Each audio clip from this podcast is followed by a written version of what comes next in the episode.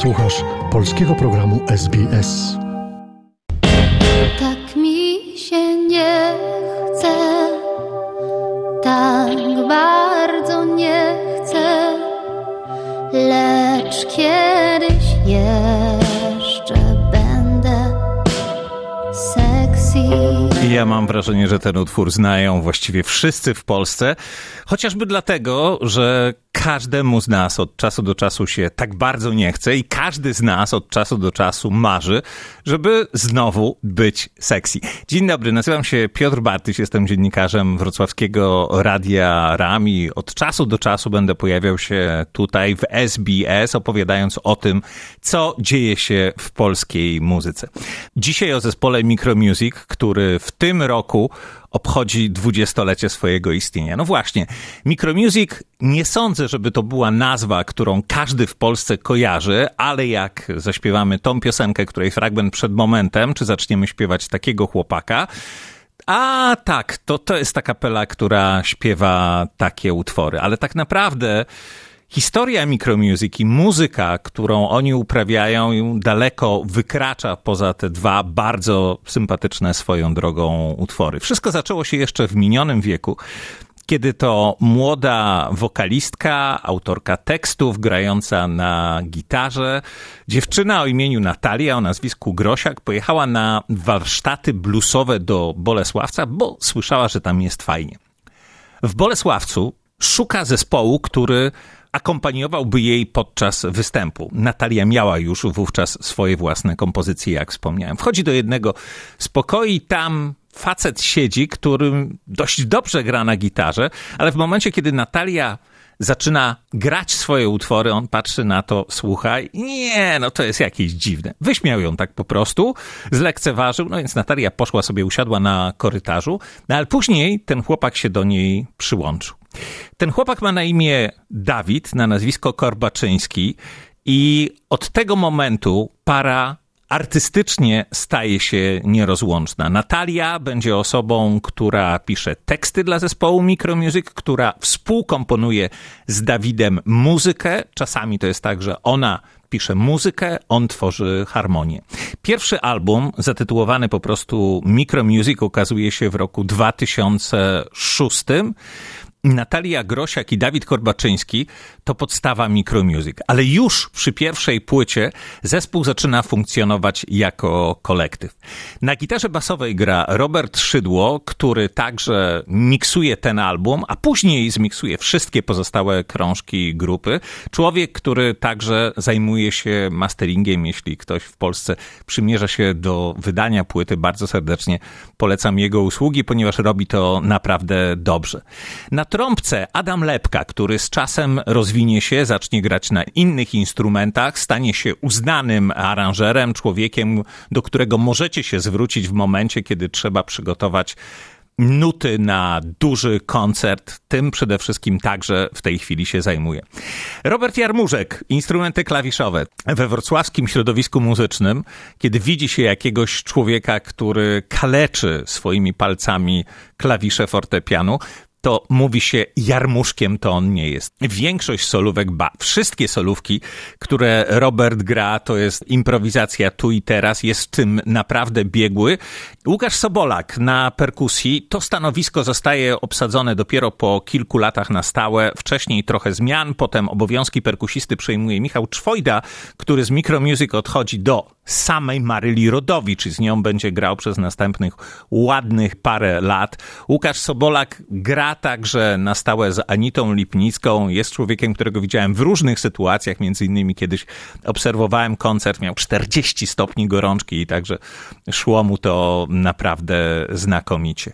Co jest istotne, Micromusic już dość szybko stają się znakomitym zespołem koncertowym. Tak już jest po pierwszej płycie.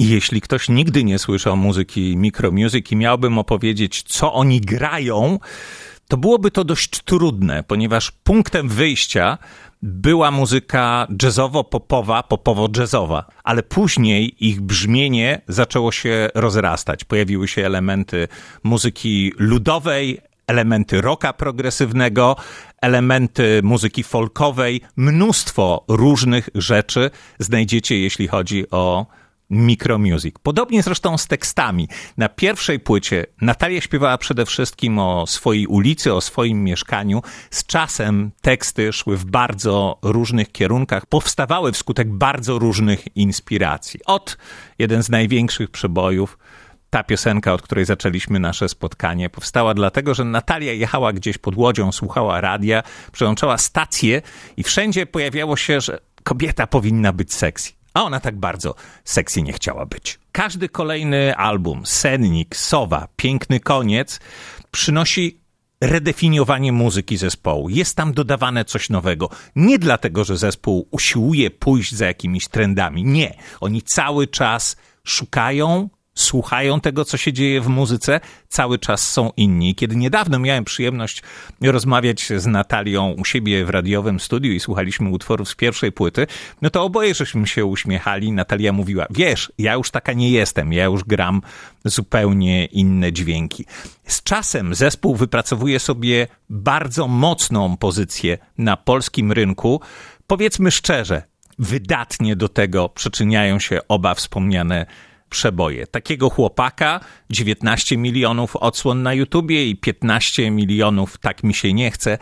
To są utwory, które budują popularność zespołu wśród szerokiej rzeszy słuchaczy. Śmiem twierdzić, że udało im się zająć miejsce, które kiedyś na polskim rynku miał zespół Raz, Dwa, Trzy. Oczywiście z pozdrowieniami dla chłopaków z Raz, Dwa, Trzy.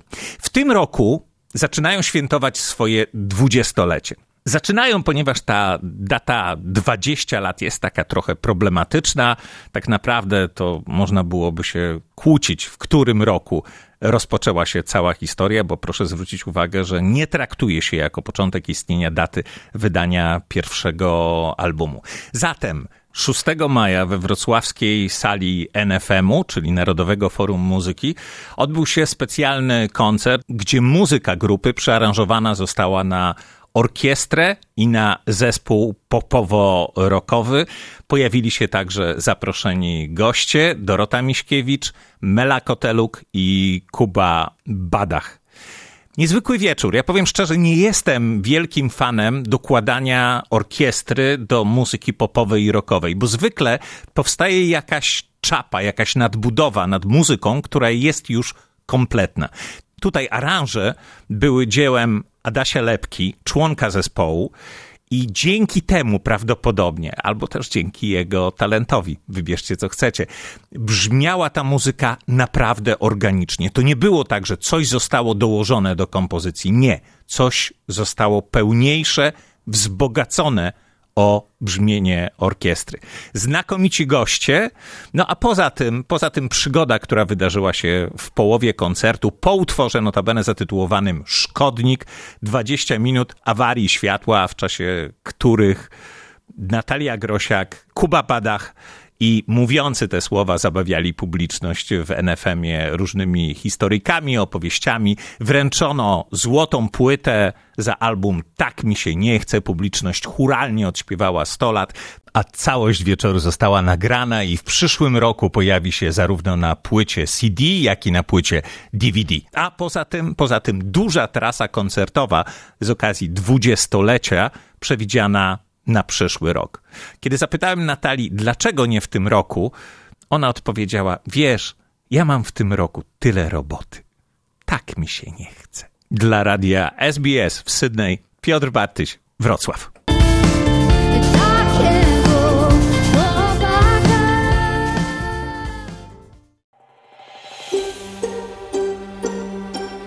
Zainteresowało Cię? Chcesz usłyszeć więcej? Słuchaj nas na podcastach dostępnych w Apple Podcast, Google Podcast czy Spotify lub w jakimkolwiek innym, który używasz.